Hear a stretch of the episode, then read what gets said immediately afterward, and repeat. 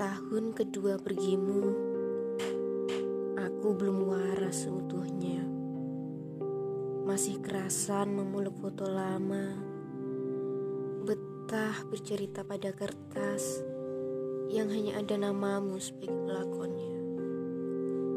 Rinduku sungkan rampung, sesalku tak berujung.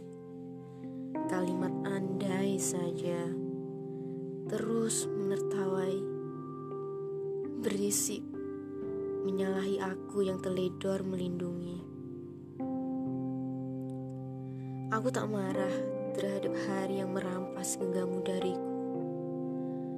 Aku hanya marah pada diri sendiri yang gagal tanggap terhadap gelagat semesta tembok itu.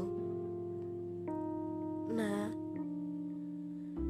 kepulanganmu adalah sebuah perpisahan yang yang belum sempat aku siapkan sebelumnya.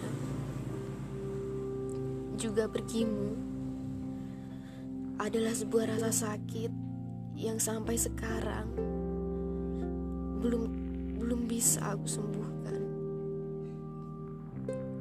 Tolong jelaskan bagaimana aku bisa sembuhkan semua ini sendirian sementara obatnya adalah bersamamu.